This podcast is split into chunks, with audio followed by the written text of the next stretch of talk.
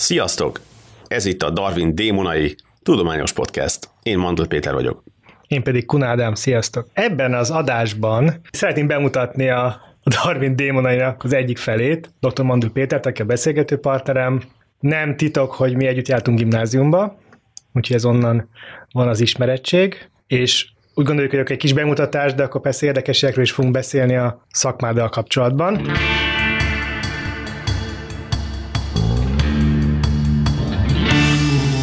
Péter orvos, ugye sotén végzett, utána foglalkoztál egy kicsit ilyen neuro, tehát idegrendszeri dolgokkal, abból írtad a doktoridat, 2007-ben védted meg, ha jól tudom, a fizikai ott voltam, csak az olyan régen volt. És utána posztdoktori kutató, hát közben volt Amerikában is, egy ideig, ott is kutattál New York környékén, majd kimentél Ausztriába, Bécsbe, ott volt első posztdoktori kutató, most pedig ott vagy a, a Bécsi Orvostudományi Egyetemen a hármas számú belgyógyászati tanszéken a reumatológiának vagy a főorvosa, ugye?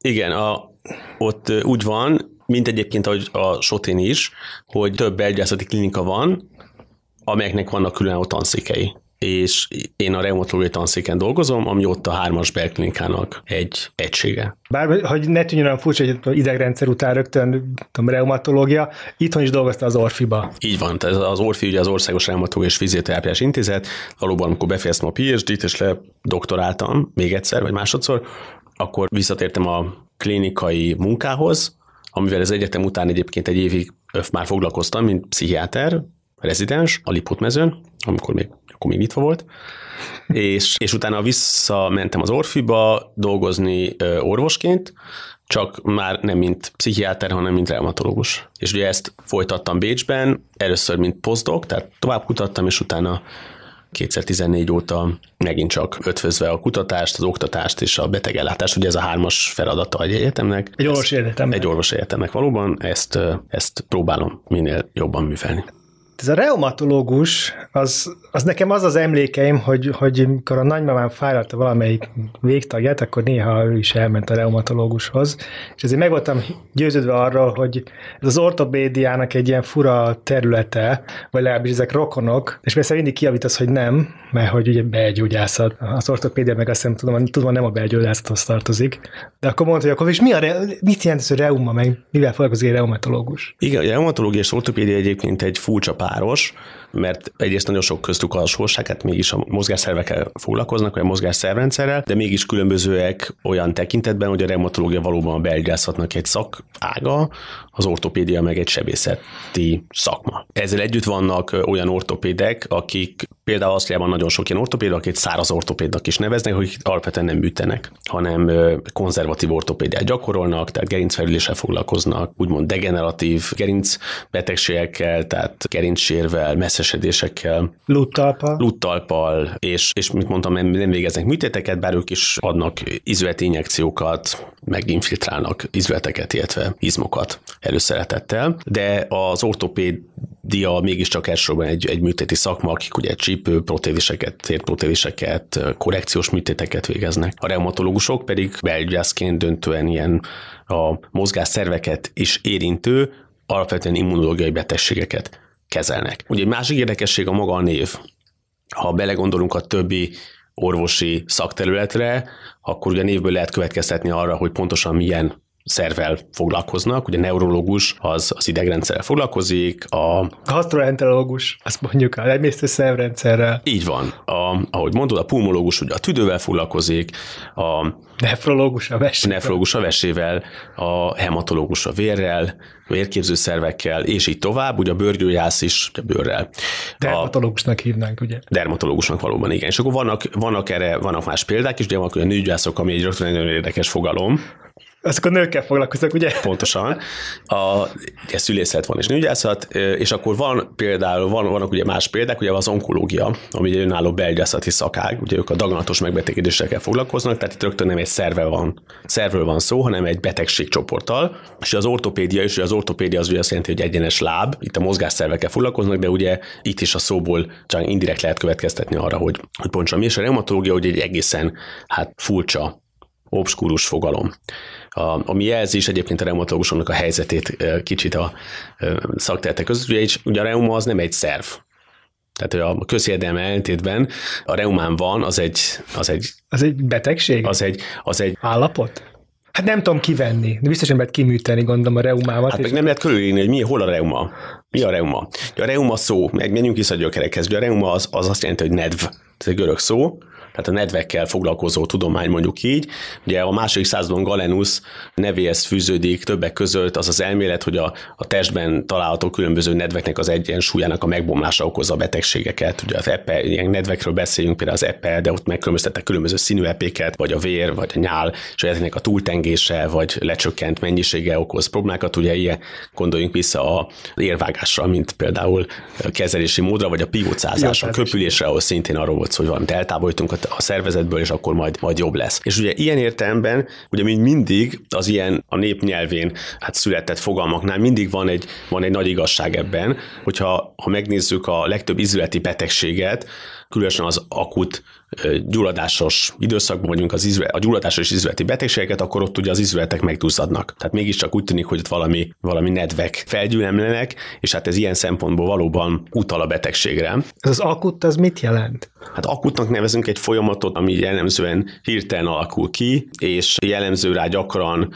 olyan általános tünetek, mint fáradtság, levertség, láz, kiütés, még a krónikusra egy elhúzódó folyam. Krónikus az azt jelenti, hogy elhúzódó folyamat. Nagyon sok betegségnek van egy akut szakasza, amikor kialakul, egy krónikus szakasza, amikor állandóvá válik. Fennmarad. Fennmarad. De ugye nagyon sok betegségnél ez egy, ezek nehezen definiálható időszakok. Ugye egy szívinfarktus az egy akut esemény, mégis egy krónikus betegségnek, koszorú érelmenesesedésnek egy következménye, vagy egy fázisa. Az üzleti gyulladásokról is azt gondoljuk, hogy ezek autoimmun betegségek, hogy ezek jóval, sok évvel, évtizedekkel évtizeddel a első, hát úgymond klinikai megjelenésük vagy tüneteik előtt már elkezdődnek valahol, csak ugye nem tudjuk őket még észlelni, hát nem észleljük őket, és aztán amikor megjelennek a tünetek, akkor az már egy jóval későbbi fázis. Akkor azt mondod, hogy a tünet az, az általában egy, az izlet megnagyobbodása, fájása? Sok reumatológiai betegségnél igen, tehát akkor megint érdemes leszögezni, hogy ezek belgyászati betegségek, amelyek döntően autoimmun betegségek, autoimmun folyamatok. Ja, itt álljunk meg egy pillanatra. Mi az, hogy autoimmun folyamat? Ugye ez egy megint egy előszeretettel használt fogalom, és ahogy megy előre a az orvostudomány egyre több betegségről feltételzik, vagy, vagy derül ki, vagy bizonyítják be, hogy autoimmun betegség, vagy autoimmun folyamatok is köze játszanak benne. Ugye az autoimmun folyamata benne van magában is a szóba, hogy az immunrendszer, a saját immunrendszer egy kóros folyamatáról van szó, ugye? A saját immunrendszer az egy, az egy hülye fogalom, mert az immunrendszer mindig a sajátunk egyébként, de hogy a, ugye a fő funkciója az immunrendszernek az, hogy a külső támadást meghiúsítsa, akár úgy, hogy egy kórokozót hatástalanítson, de emellett ugye egy fontos szerepe van abban is, hogy a, a belülről érkező ellenséget is hatástalanítsa, ugye gondoljunk mondjuk a daganatos megbetegéseken megjelenik egy daganatos sejt, abból nem, hála Istennek, az esetek túlnyomó többségében nem lesz egy, egy végzetes betegség, mert ezeket a sejteket az immunrendszer felismeri, hogy valamilyen módon különböznek a saját sejtjeinktől, illetve a saját normális sejtektől, és eltávolítja. És akkor az autoimmun folyamat, ez azt jelenti, hogy akkor olyat támad meg, amit nem kéne? Igen, az autoimmun folyamat pontosan erről van szó, hogy mondod, tehát hogy az egy koros működés az immunrendszerünknek, amikor a saját olyat, az olyan saját például fehérjét ismer föl ellenségként, amit nem kéne. Ma nagyon sok szó esik, hogy a vakcinák kapcsán is a sejtes és a antitestes immunitásról, mint két alapvető kategóriáról, illetve a vele született immunitásról és a szerzett immunitásról, és mondjuk hogy egy, egy nagyon, nagyon leegyszerűsítve valóban arról van szó, hogy a, az immunrendszer, ami normális esetben arra van kiépülve, vagy egy rendkívül szofisztikált rendszerről van szó, hogy felismeri az idegent, akár a kívülről érkező idegent, mint egy vírus, mint egy baktérium, akár a belülről érkező idegent, egy ilyen kóros fehérjét vagy kóros sejtet, valamiért elkezdi a sajátot idegentként felismerni, és azokat a sejteket vagy fehérjéket vagy direkt megtámadni, vagy ellene antitesteket termelni, ami megint csak ahhoz fog vezetni, hogy ez, ez az antitest, hogyha rögzül ez a fehérjéhez, utána akkor a szervezet megint idegenként fogja felismerni, mert részben az a funkció az antitesteknek, hogy megelőjék, hogy akkor ez, ez egy, egy idegen valami, amit el kell távolítani. Akkor egy ilyen leépülési folyamat kezdődhetett el? Tehát ez a megtámadás, ez mit jelent, hogy megtámadjuk valamilyen szervünket egy autoimmun folyamat. Ez gyakorlatilag minden esetben ahhoz fog vezetni, hogy annak a szervnek a funkciója sérül. Tehát akár úgy, hogyha mondjuk egy, egy autoimmun pajzsmirigy gyulladásról van szó, akkor az vagy pajzsmirigy hormon elégtelenséghez fog vezetni, vagy adott esetben növekedéshez, és ha a, a szűkemet izületi betegségnél tartunk, akkor itt az a folyamat fog lejátszódni, hogy az izületi tokon belül, ugye ez egy szalagokból, szalagokkal megerősített izületi burok, ami a csont végeket burkolja be, és ez az izületet, mint egy saját szervet elkülöníti a szervezet többi részétől. Az egész testnél nagyon lényeges az, hogy különböző hát kompartmenteknek hívjuk, van rendezve az egész, tehát hogy külön elkülönő részek vannak, és itt nagyon lényeges az, hogy ezek között hol és hol van átjárás és hol nincs, és az izület az egy lezárt steril egység. Ezt a burkot belülről egy hártya borítja, amit szinoviális membránnak nevezünk, vagy izületi belhártyának magyarul,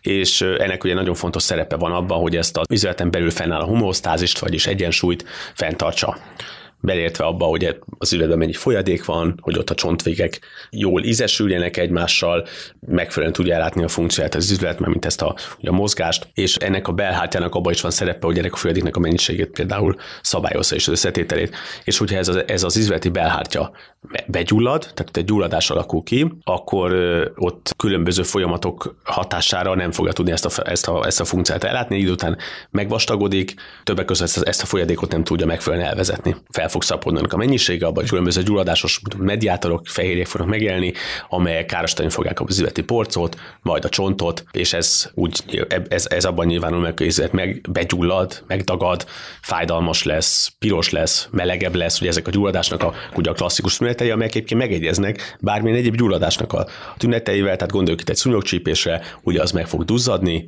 meleg lesz, vörös lesz, és fájdalmas lesz, és funkcióromláshoz vezet. És ugyanezt látjuk az üzletnél is, ami ugye megduzzad, fájdalmas, vörös, és, és nem fogjuk akarni mozgatni, mert azzal csak fokozunk a fájdalmat. És sejtjük, hogy mit támadott meg az immunrendszerünk pont a izületünkbe? Különböző állatmodellekből, amikkel tudunk, az emberekben előforduló izületi gyulladást, a közül a leggyakoribb az úgynevezett reumatoid artritis, mert a kifejezetten gyulladásos izületi betegség közül, különben a leggyakoribb csoport azt osteoartródisnak nevezük, a, amelyet magyarul a, a köznyelv inkább ilyen csontkopás vagy izületi kopásként ismer, amelyek egyébként szintén vannak, van gyulladásos komponense, de ott mégiscsak az előtérben a porcnak a károsodása, a leépülése, illetve a csont átalakulása van, de hogyha a reumatoid artritisre gondolunk, akkor az azt szimuláló állatmodellek, ugye ez egy általános probléma az orvostudományban, hogy nagyon kevés betegségnél tudunk igazából olyan állatmodellt találni, amely hűen tükrözi a, az emberi, a humán betegséget, aminek ugye nagyon komoly következménye lesz például a gyógyszerfejlesztésre, hiszen ugye az állatoknál egy ahhoz hasonló állapotot tudunk általában szimulálni, és ez részben az egyik oka annak, sok oka van,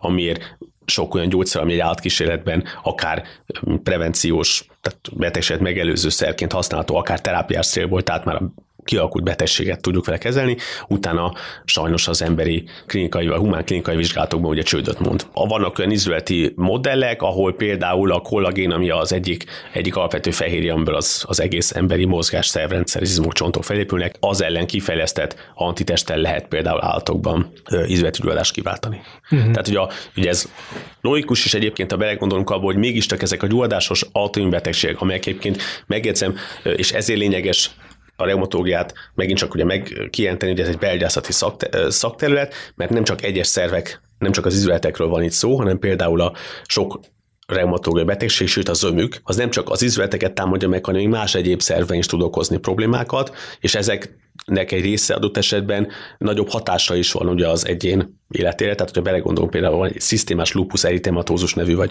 lupusnak nevezett betegség. Az mi? Hát ez egy olyan betegség, ami tulajdonképpen az egész testet érintheti, tehát ezeknek a, ez jellemzően, mint sajnos a legtöbb reumatológiai betegség elsősorban nőket érint, vagy több halmozottabban érinti a hölgyeket. Ezeknél a betegeknél jellemzően az orcákon pillangó eritémának nevezett vörösödés jelenik meg, de lehetnek más egyéb bőrtüneteik is, nekik is előfordulnak izületi, gyullad, náluk is előfordul izületi gyulladás, a a szívbelhártyának, mind a mellhártyának a gyulladása előfordul. Nagyon gyakori náluk a, egy bizonyos fajta vesegyulladások, amelyek jelentősen be tudják szűkíteni a vese funkciót, ahhoz vezetnek, hogy a vesén keresztül sok fehérjét vesztenek ezek a betegek, tudja érinteni a központi idegrendszert, és tulajdonképpen nagyon nehéz olyan szervet találni, amire, ami, amit nem tud érinteni. Ez egy nagyon sok, sok arcú betegség, és a legtöbb reumatológiai betegségnél, tehát azoknál is, amit, amiket klasszikusan izületi betegségek gondolunk, például a reumatoid artritisnél nagyon gyakori a tüdőérintettség és más egyéb szervérintettség. Úgyhogy ilyen szempontból a reumatológus kicsit,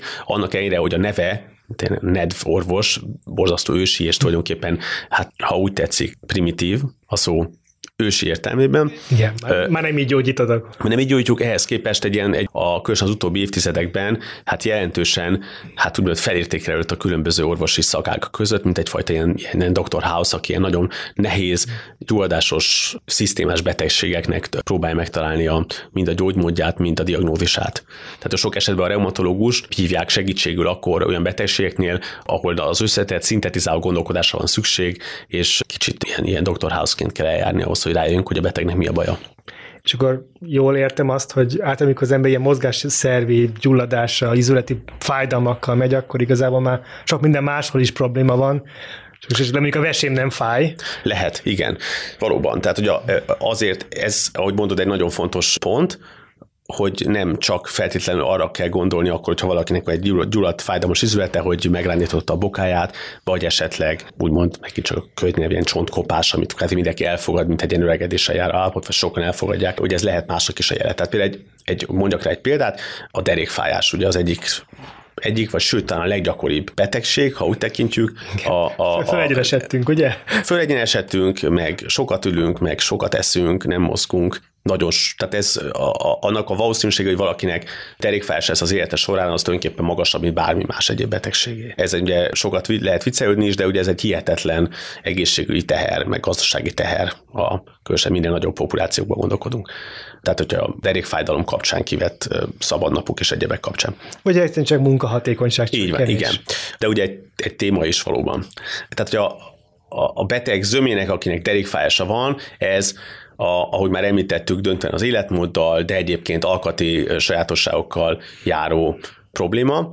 De például fiatal férfiaknál jellemzően, akiknek a derékfájása bizonyos karakterisztikájában más, mint más betegben előfordul mondjuk egy idősebb, túlsúlyos, ülőmunkát folytató embernek a derékfájása. Az ő esetükben a fiatal férfiaknál jellemzően ez a reggeli órákban fordul elő, adott esetben a, inkább a keresztcsontra lokalizálódik, váltakozó oldalú. Kicsit és, lejjebb, mint a klasszikus. Igen, de és, és ami nagyon jellemző, hogy hogyha ezek a betegek, például típusosan úgy írja legyen beteg, hogy hajnalban fel kell erre az erős fájdalomra, és utána, ha mozgatja egy kicsit, egy, egy gimnasztikát végez, vagy csak akár csak egy kicsit betonáztatja, akkor utána ez sokkal jobb lesz. Ugye ez teljesen eltér a klasszikus derékfájdalomtól, ahogy az em, beállt a hátam, úgymond, vagy amikor nehezeket emelek, utána mindig fáj a hátam, és akkor le kell feküdnöm, és akkor egy kicsit jobb lesz.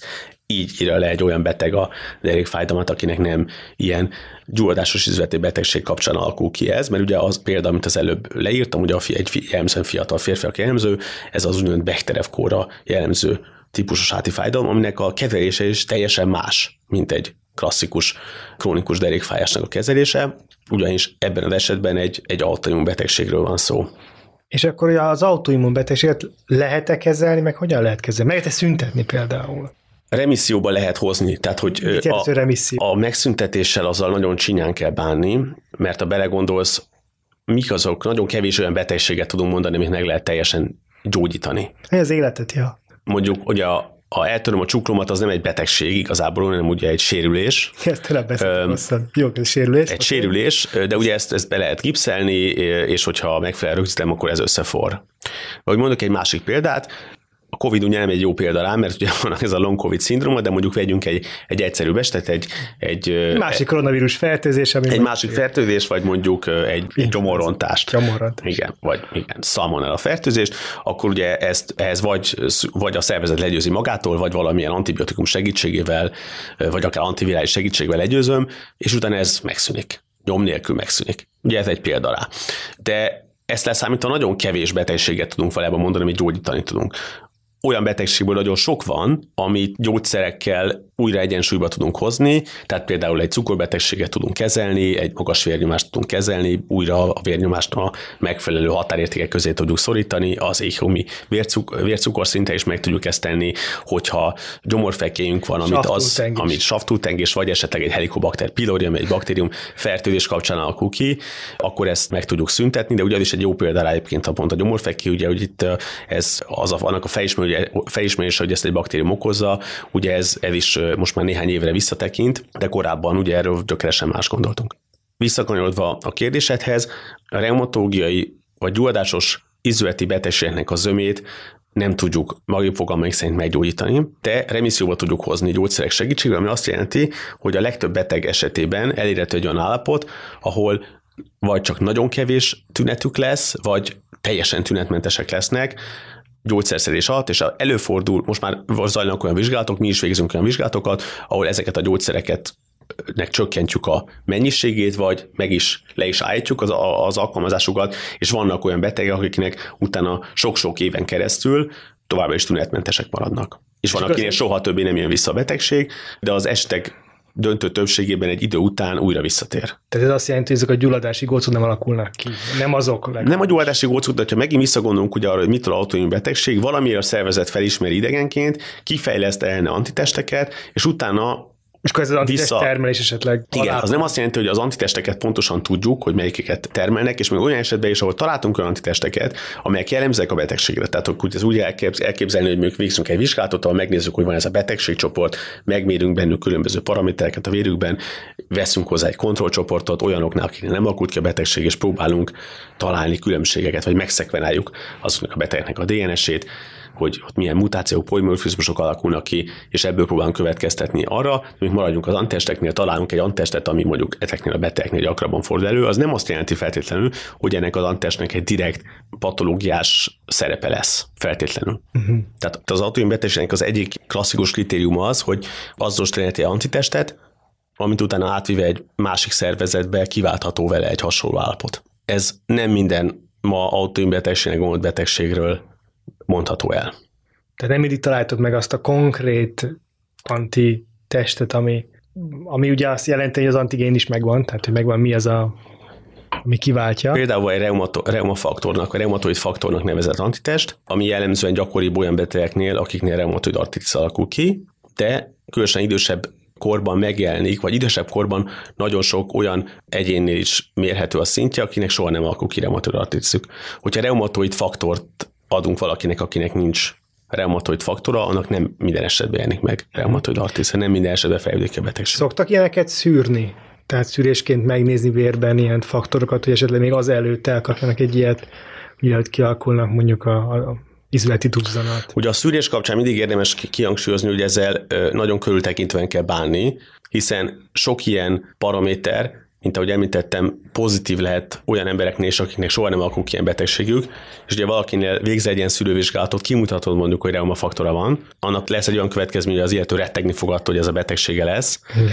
Tehát mi akkor javasoljuk a reumafaktornak, és más például vannak az úgynevezett citruinált peptidek, citruinált ciklikus peptidek ellen termelődő antitestek, amelyek még jellemzőbbek reumatoid artritisre, ezeknek akkor javasoljuk a levételét, hogyha a klinikai kép felveti ennek a betegségnek a gyanúját. Tehát például jön hozzánk egy beteg, akinek a jellemzően a kéz kisizületein, tehát az ujjaknál uh-huh. vagy a csuklónál alakul ki duzzanata, az jellemzően szimmetrikus, mind a két kézen megtalálható, néhány hete fellépő, tapintható duzzanata reggeli izületi merevsége alakul ki, vagy jelenik meg, ha ilyen, ilyen beteg jön hozzánk, akkor ott feltétlenül javasoljuk ezeknek a faktoroknak a szűrését vagy, vagy levételét. Úgy tudom, hogy neked a szűkebb szakterületed az az ultrahangos képalkotás, ugyanis diagnosztika ezzel kapcsolatban, de javíts ki, hogyha... Mondjuk azt, hogy a képalkotó diagnosztika. Képalkotó diagnosztika. Mit lehet ultrahanggal látni, úgymond? Hát ugye a reumatológia, amit mondtam, említettem, egy, egy én szerintem mindenképpen nagyon izgalmas terület, ami hát klasszikus belgyászat olyan tekintetben, hogy sok kis mozaik darabból próbálja összerakni a betegséget, hogy a betegségek maguk is, a reumatológiai betegségek, amelyek, úgy, mint említettem, ilyen szisztémás autoimmun gyulladásos betegségek, ezek sok kis hát, puzzle darabból állnak össze.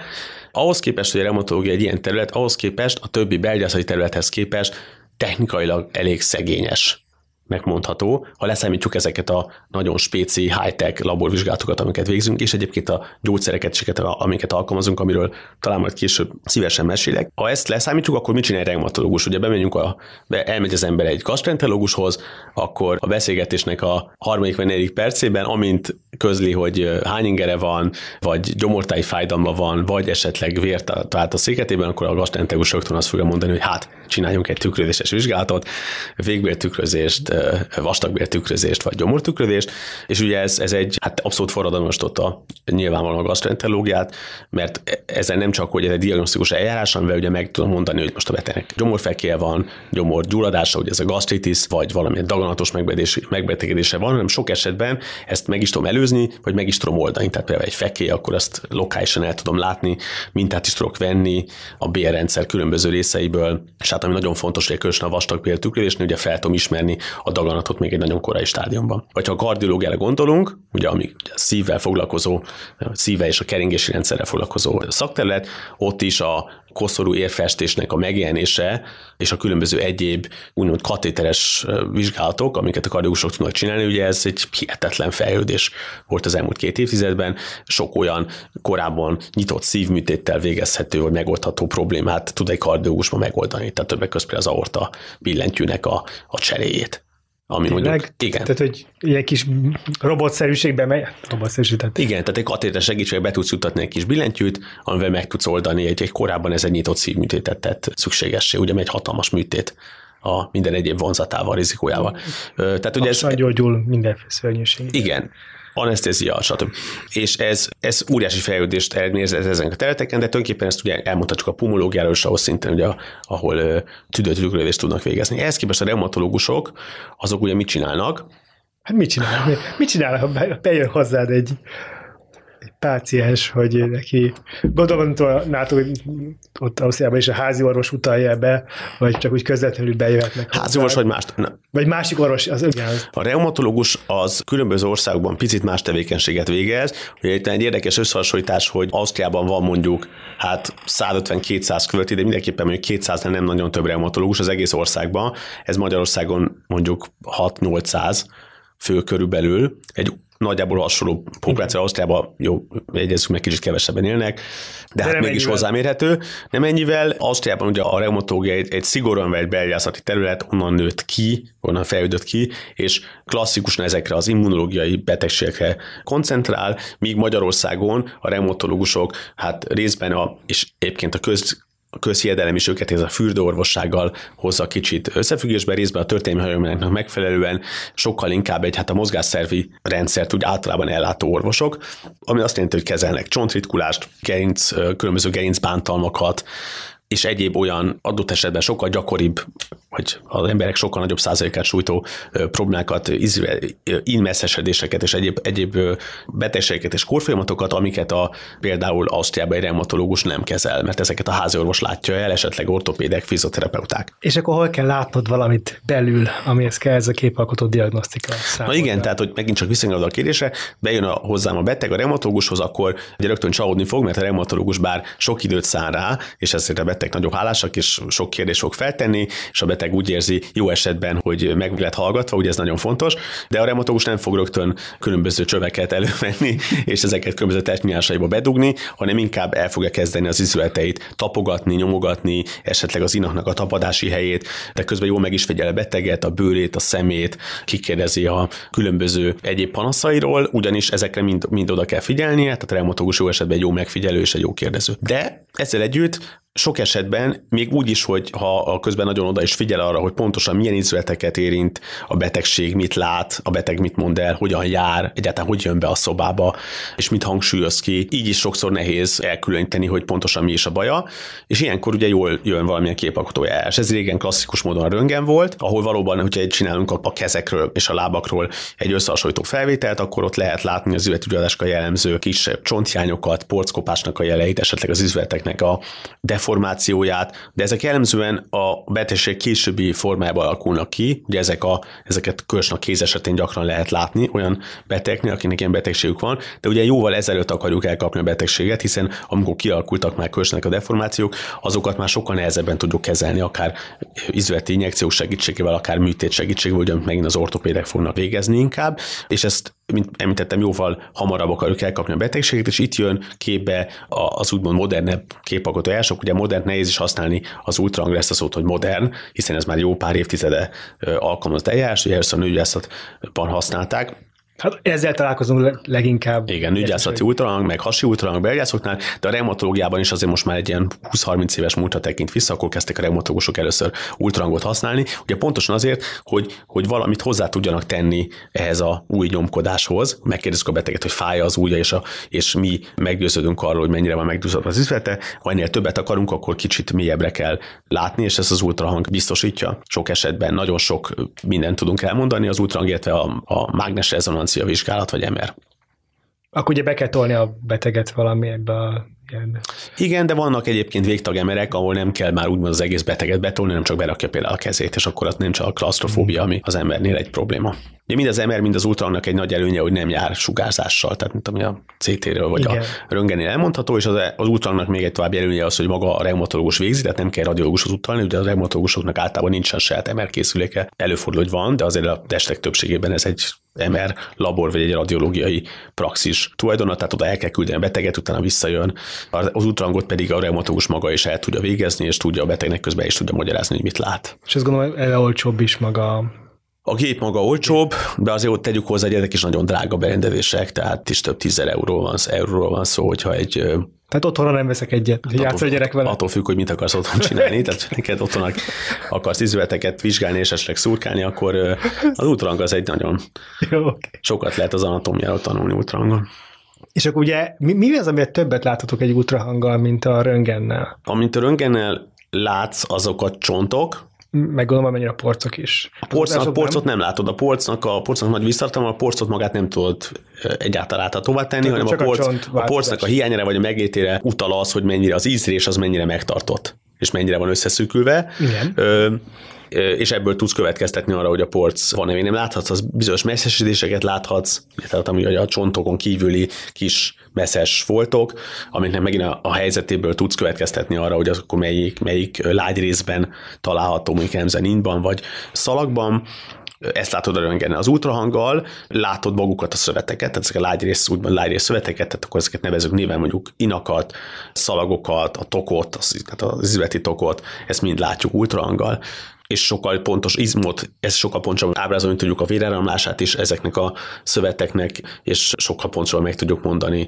ezeknek a koros folyamatoknak a helyét és a kiterjedését. És amúgy látunk például olyan látunk sok mindent, amit látunk a röntgenen is. Nem látunk mindent, tehát a röntgenen látjuk a csont szerkezetet is, az ultrang nem lát be a csont alá, tehát nem visszaverődik. Ugye az ultrang az az ultrahang hangulámokkal történik, és ezek a, a csont az egy nagyon erősen ultrahangot, illetve hangot visszaverő réteg. Tehát ezt a, a csont alá nem lát be az ultrahang. Már ugye a csonton belülre. Igen, a csonton belülre. Alá, akkor másik oldalon nézzük meg, hogyha az a kérdés. Így van, ugye igen, ez, ez megint egy, egy, egy, egy fontos pont. Az ultrahang ugye lehetővé teszi azt, hogy körüljárjuk a, a szerveket, vagy sok szervet körüljárjunk míg a röngen egy jó át, egy, jellemzően egy nagy átfogó képet fog adni nekünk egy, mondjuk egy karról, vagy egy, egy kézről. Én ezzel egy pillanatig is becsülni a röngen, sőt, a röngen az, az, a röngenek egy nagyon fontos helye van továbbra is a, a tehát minden betegről, aki nagyjából bejön hozzánk kizületi panaszokkal, fog készülni egy röntgen. De ugye nem fog készülni róla egy röntgen például három havonta mondjuk, amit mondjuk ultrahanggal. terhelés lenne, igen. Igen. Sugárterhelés. Igen. Hogy kérdezek rá a gyógyszerekre, amit akartál mondani, ha akarsz róla? Ugye a gyógyszerek kapcsán van egy érdekes paradoxon, hogy van a, mint említettem, bizonyos országban szintén reumatológusok által kezelt sok nyavaja, derékfájdalom, csípőkopás, gerincsérv, ínmeszesedés, ami ugye ezekhez az autoimmun betegségekhez képest ugye sokkal nagyobb metszetét érinti az emberi populációnak, tehát sokkal gyakoribbak ezek a kórképek, vagy mondjuk úgy, hogy tünetek, panaszok, és ehhez képest vannak ezek a, a, a szűken vett gyulladásos izületi vagy gyulladásos autoimmun betegségek, amikkel ugye a, a, a reumatológus például Ausztriában, meg sok nyugat-európai országban foglalkozik, de Magyarországon is tegyük hozzá, különösen az egyetemi centrumokban és az országos incetekben. Ezekhez a úgymond a, a mi hogy reumatológus vagy belgyászati szempontból sokkal súlyosabb betegségekhez, sokkal, vagy betegségekben sokkal többet tudunk bizonyos értelembe tenni érdekes módon. Tehát ezekre sokkal több, specifikusabb, hatékonyabb gyógyszer áll rendelkezésre. Ugye mit tudunk csinálni a, egy derékfájdalom kapcsán, ugye tudunk fájdalomcsapítót adni, és tudunk javasolni különbözően életmódváltozásokat, vagy gyógytornát, fogyást, amikkel ezeket karba lehet tartani, javítani lehet, de megállítani nem igazán tudjuk, például mondjuk a különösen öregkorban jellemző porckopást. Ugye nincsen, tehát hogyha valakinek térdízveti arcód is alakul ki, akkor azt a folyamatot maximum lassítani tudjuk, kardába tudjuk tartani, de annak a végállomása sajnos sok esetben egy protévis műtét lesz. Tehát nincsen jelenleg szerünk azzal, amivel, nincsen jelenleg olyan gyógyszer, amivel igazából hatékonyan tudjuk megállítani a porcnak a elvesztését. Vagy újraépíteni valamit. Vagy újraépíteni. Hát erre maga vannak, a szervezet vannak erre járások Magyarországon is, de van mozaik plastika, de az, az... Amit Hangodi professzor fejeztett ki, tehát amik vannak erre, erre, erre De ez műtéti eljárás. Ez egy műtéti eljárás. Tehát nem valami gyógyszer, amit Nem, vannak különböző, külön, nagyon sok gyógyszert lehet kapni, és sokat egyébként, sok még nem is receptköteles, amelyek különböző porc erősítő készmények, ezeknek Ismerős. nincsen. Vagy Bizonyos esetben van hatásuk, de igazán áttörő hatásuk nincs, sajnos. Egyelőre, és ez igaz azokra az injekciókra is, amiket, a, amiket próbálják a porcot erősíteni. A, ehhez képest ezeknél az autoimbetegségeknél, amelyekről fontos elmondani azt, hogy ha nincsenek kellő időben felismerve, és nincsenek megfelelően kezelve, akkor egyrészt mivel fiatal betegnél jelennek meg, tehát jellemzően ezek a betegségek döntően középkorú, fiatal középkorú személyekben alakulnak ki, és ha nincs jó kezelve, illetve felismerve, akkor elég gyorsan, tehát néhány hónap vagy év alatt okoz komoly funkcióromlást izületek terén, tehát például reumatoid artritis, hogyha nincs megfelelően felismerve és kezelve, akkor néhány év alatt hát munkaképteni teszi az illetőt, a külső, amely a külső, a kéz kis üzületeket fog érinteni, már pedig ezek a leggyakrabban érintett üzletek benne, el fogja veszteni a munkáját, és ez amúgy amellett persze rendkívül sok fájdalommal is jár.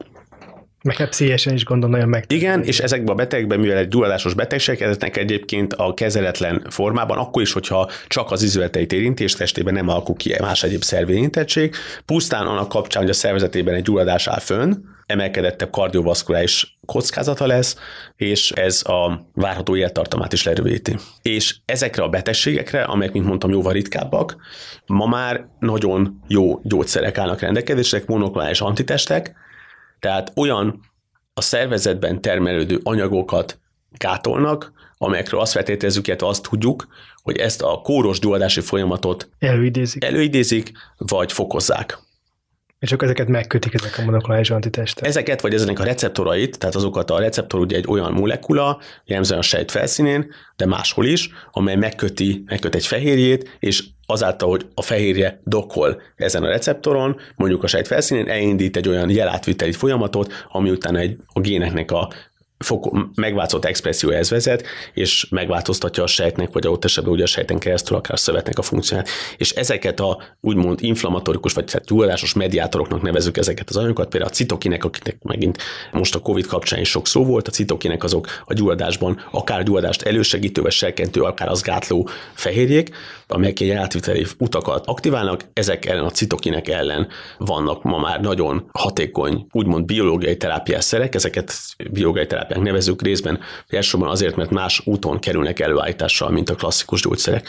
Hát ilyen monokláns hatást azt gondolom valami megszintetizálják, nem pedig...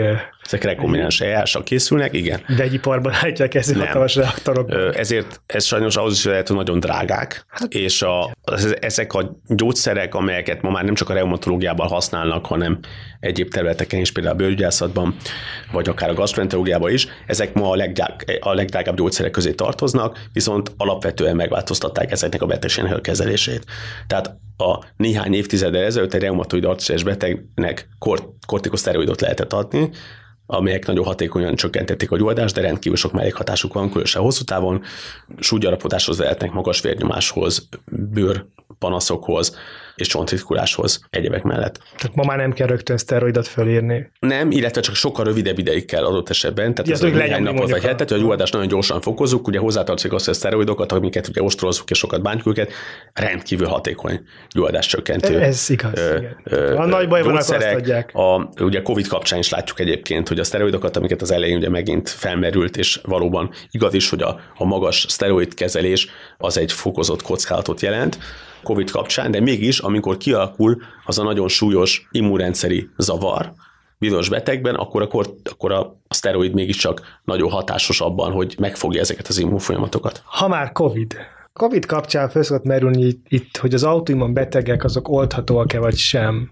vagy hogy esetleg milyen vakcinával igen, milyen vakcinával nem. Erről mit tudsz mondani? A reumatológia betegeket az esetek túlnyomó többségben autoimmun betegnek tekintjük, és általában igaz az autoimmun betegekre, hogy az esetükben az oltás abban az esetben ajánlott, hogyha ez az oltóanyag nem tartalmaz élő kórokozót. Már pedig tudtam, hogy élő kórokozós oltás nincs. Egyelőre nincs. A, tehát azok a betegek, akiket mi kezelünk, különösen azok, akik az immunrendszert funkcióját hát bénító vagy gátló anyagokat szednek. Ugye ezek, a, amiket említettem, a monokáns antitestek is ide tartoznak, de az egyéb részben már korábban kifejeztett immunrendszer gátló anyagok, vagy, vagy gyógyszerek is. Ilyenket szednek többek között olyan betegek, akiknek például valamilyen transplantáción estek át, tehát mondjuk egy új vesét kaptak, de nagyon sok más egyéb beteg is. Az esetükben, mivel ezek az immunrendszert gátolószerek, ezért felmerül annak a veszélye, hogy ugye ők fokozottabban hajlamosak általában fertőzésre, hiszen az immunrendszer gátló szereknek a döntő többsége még akkor is, hogyha komoly erőfeszítések vannak hogy arra, hogy ezek minél specifikusabbak legyenek, mégis lesznek általános hatásaik. Gondoljunk egyébként a, akár a citosztatikumokra is egy rákányos kezelés során, hogy ezek mind ahhoz vezetnek, hogy ezek a betegek esendőbbek lesznek, és ezért jobban kell őket védeni a fertőzéstől. Tehát az, az ő esetükben az oltás összességében abszolút ajánlott, hogy megvédjük őket a, a, betegségtől, a betegségtől, és az egyedüli oltás csoport, ahol a, amely az esetükben nem ajánlott, azok az élő korokozót tartalmazó oltások, hiszen itt fennáll az esélye annak, hogy ez az élő korokozó, ami általában jegyezünk meg egy legyengített korokozó, de mégiscsak az immunrendszer gátolt működésének következtében kvázi elszabadul. Igen. Tegyük hozzá, hogy ma ilyen ma, oltás... Igen, ezt érdemes hogy ma ilyen oltás covid szemben nem fejlesztettek, és nincs nálunk. Magyarországon az összes elérhető oltás nem ilyen, tehát vagy az mRNS alapú oltások ugye egyáltalán nem ebbe a kategóriába tartoznak, és hát a vektor alapúak pláne A vektor alapúak és sem. ugye a, a kínai az, egy, az nem az előtt vírus, és az, és az nem, nem gyengített, és nem is az, hogy magam egy élő vírus, élő, hát nem élő ezek, de hogy működőképes vírus lenne, hanem elől, tehát nem fog szaporodni. Ahol van szerepe a hát mindig van szerepe az orvos-beteg kommunikációnak, de ahol fontos szerepe van, az az oltás időszak, időpontjának a kiválasztása lehet, ugyanis vannak olyan immunszupresszáns szerek, amelyek adott esetben gátolják az antitest termelést, és így felmerül annak a lehetősége, és erre vannak is vizsgálatok, hogy az olyan betegek, akiket ilyen kez, szerekkel kezelnek, az ő esetükben az oltás nem lesz esetleg olyan hatásos. Ugye ma nagyon sok olyan vizsgálat van, ahol mérik ezeknek a betegeknek különböző gyógyszerektől függően, amiket szednek, az antitest szintjét, hogy milyen antitest termelés váltanak ki az oltások. És erről véletek sokkal többet fogunk tudni a következő hetekben, hónapokban, hogy őket hogyan és mikor érdemes oltani. De elég azt mondod, hogy így is oltunk. Összességében mindenkit oltunk, tehát mi is az összes betegünket oltjuk. Egy, vannak olyan szerek, ahol nagyon meg, ahol meggondoljuk, hogy pontosan mikor oltunk, és adott esetben annál, akinél a betegsége olyan jó állapotban van, hogy kivitelezhető az, hogy esetleg kitoljuk a következő kezelés hatását. Ezek olyan szerek, amelyeket nem minden nap adunk, hozzáteszem. Tehát néhány tehát ezek a, a, a, a legtöbb jogai terápiás szert, vagy hetente, vagy két hetente, négy hetente, nyolc hetente havonta kell adni, de van olyan is, amit fél évente adunk, és ezeknek akkor adott esetben kitoljuk az adását úgy, hogy az oltás egy olyan időszakra essen, ahol az immunrendszer gát, gyógyszeren keresztüli gátolt hatása minél kevésbé érvényesül, hogy minél nagyobb esély legyen arra, hogy antitesteket termel. Hozzáteszem egyébként azoknak, akik attól félnek, illetve megmérték esetleg az antitest szintjüket, és nincsen mérhető antitest szintjük, vagy elég megfelelő antitest szintjük, ma még nagyon keveset tudunk arról, hogy pontosan milyen immunitást is váltak ki az oltások, de ugye van a sejtes immunitás, a, amit, amit, amit említettünk, amit nem mérünk, illetve ma már egyébként pontosan mi is végzünk ilyen kísérleteket, ahol pont a sejtes immunitást nézzünk olyan betegben, ahol akik olyan, akiket olyan szerrel kezelünk a reumatológiai betegségük miatt, ami elnyag termelés gátol, és látjuk is, hogy az ő esetük nem is termelnek anyagokat, vannak arra utaló adataink, hogy az ő esetükben a sejtes immunitás Mégis csak működik. Mégis csak működik. Nekünk és másoknak is. Péter, nem így a, a vége fel, akkor viszont olyanról de észre meg szeretnék, hogy egyetemen vagy. Mit tanítasz? Én egyrészt tantermi adásokat tartok ugye reumatológiai betegségekről, illetve különböző szemináriumokat is tartunk, amelyek vagy olyan statisztikai módszereket ismertetnek, amelyeket mi használunk, illetve én izületi ultrangot is oktatok. Tehát Mint... effektíve oda megy egy, egy orvostal hallgatók, és akkor ott vagyok a gép mellett. Igen, a születi ultrahangot azt elsősorban a hatodéves orvostalgatóknak tanítjuk, akik nálunk famulálnak az osztályon, illetve a fiatal famulás azt jelenti, hogy ott vég, gyakorlatot végeznek, Igen. illetve ö, azt oktatom a fiatal reumatológus szakjelölt, tehát szakorvos jelölteknek is, és bármilyen egyéb reumatológusnak, aki eljön a uh-huh. különböző kurzusokra a világszámos, világszámos pontján, és, és egyébként, mint mondtam, tantermi adásokat tartunk, továbbképzéseket, szemináriumokat. Egyébként tartunk közös órákat is radiológusokkal és ortopédekkel, hogy megvalósítsuk ezt a kvázi team team szemléletet, ugye amikor a mozgásszerveknél ajánlott, hiszen mi nagyon jól együtt is működünk egyébként a, a ortopédekkel, akiket járások reuma ortopédeknek hívnak, egy külön csoport, akik ezeket a betegeknek a műtétei, a, ezeknek a betegeknek vagy betegségnek a műtéti kezelésére szakosodtak, és ilyen szempontból nagyon kiegészítjük egymást. Az a reményem, hogy azért a legtöbben nem fogunk vele találkozni orvosként. Fura módon az ember ezt kívánja bárki más embertársának, hogy orvosokkal orvosként ne találkozzon, de ne vedd el, itthon többen találkozhattak, nem minél többen, mert írták könyveket, ezek jó részét tudom, utommesék, illetve történetek, mondjuk az öt beton, az, azok gondolom inkább történetek épületekről, a mondjuk a kiskobold különböző történetei, vagy mondjuk a sár és a nem szemét, azok mesék. Hogy jött ez neked, hogy, hogy hát írsz?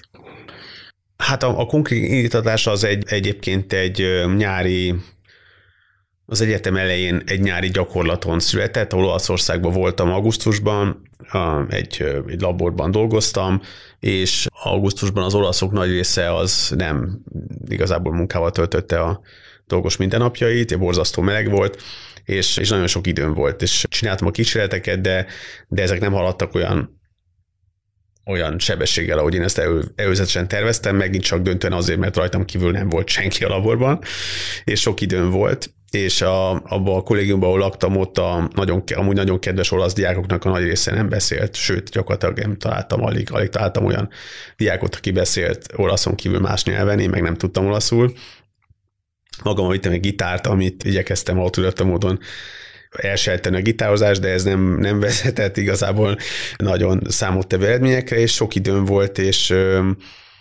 elkezdtem rövid történeteket írni, ezeket aztán a Márkony Persej című kötetben került később megjelenésre, még az Ulpius ház kiadó gondozásában. És... De úgy tudom, hogy különböző ilyen mítikus lények, vagy kitalált lényeknek a kis élettörténetei, kis történetek velük kapcsolatban. Igen, ez egy bestiárium volt, és olyan tekintetben, ahogy mondod, ezek ugye a középkori, meg ókori természetrajzokra emlékezhető kis történetek valóban létező lényekről, illetve abban az időben megfigyelt ilyen képzeletbeli mitológiai lényekről írottak ezek, és én ilyeneket próbáltam írni új általam kitalált lényekről. Tehát ilyen tekintetben ugye ennek azért ez kapcsolódik talán az életrományokhoz de ugye ettől az valóban az öt betonban, ahol inkább a város és az ember épületek és ember kapcsolatáról van szó, ugye ez már, már ez nem vagy csak inkább indirekt módon kapcsolódik, de olyan tekintetben azért nagyon sok a hasonlóság egy orvos vagy élettudományal foglalkozó kutató és egy író között, hogy, hogy a megfigyelés az azt gondolom mind a kettőnek az alapja és a kíváncsiság. Úgyhogy bennem ez magyarázza talán a, a két irányú érdeklődést, és hát próbálom mind a kettőt lehetőségeimhez képes művelni. Tulajdonképpen ez a podcast sorozat is az én részemről ezért az indítatás erre így született megint csak meg, hogy, hogy erre a, ezeket a kreatív hajlamokat az ember hasznosan kiélje. Olyat kérdeztek, hogy most van valami készülőben? Nem mondja semmit, csak hogy igen, írok egy regényt most már jó néhány éve. A, a, a, ugye, ahogy említette, az öt betonon kívül a, még a Márkony Perse jelent meg, az, az az első könyv, amelyek elsősorban inkább felnőtteknek szóló ilyen kis történetek, novellák gyűjteménye, és ezen kívül még megjelent három mesekönyv, Ez a, ezek a Cerkabella kiadónál jelentek meg, a Sárjes nem szemétke és a Kiskobolt, és a Szörös idegen és a Kiskobolt és a Párnafosztogatók címmel, amik amikor egy kiskoboltról szólnak. És akkor mostani beszélgetésben egy kicsit megpróbáltam bemutatni az egyik Darwin démont, beszélgető partner dr. Mandő Pétert, és ezzel kapcsolatban ma mi csinálj reumatológus, és mi az, hogy autoimmun betegség. Köszönjük, hogy hallgattatok. Sziasztok!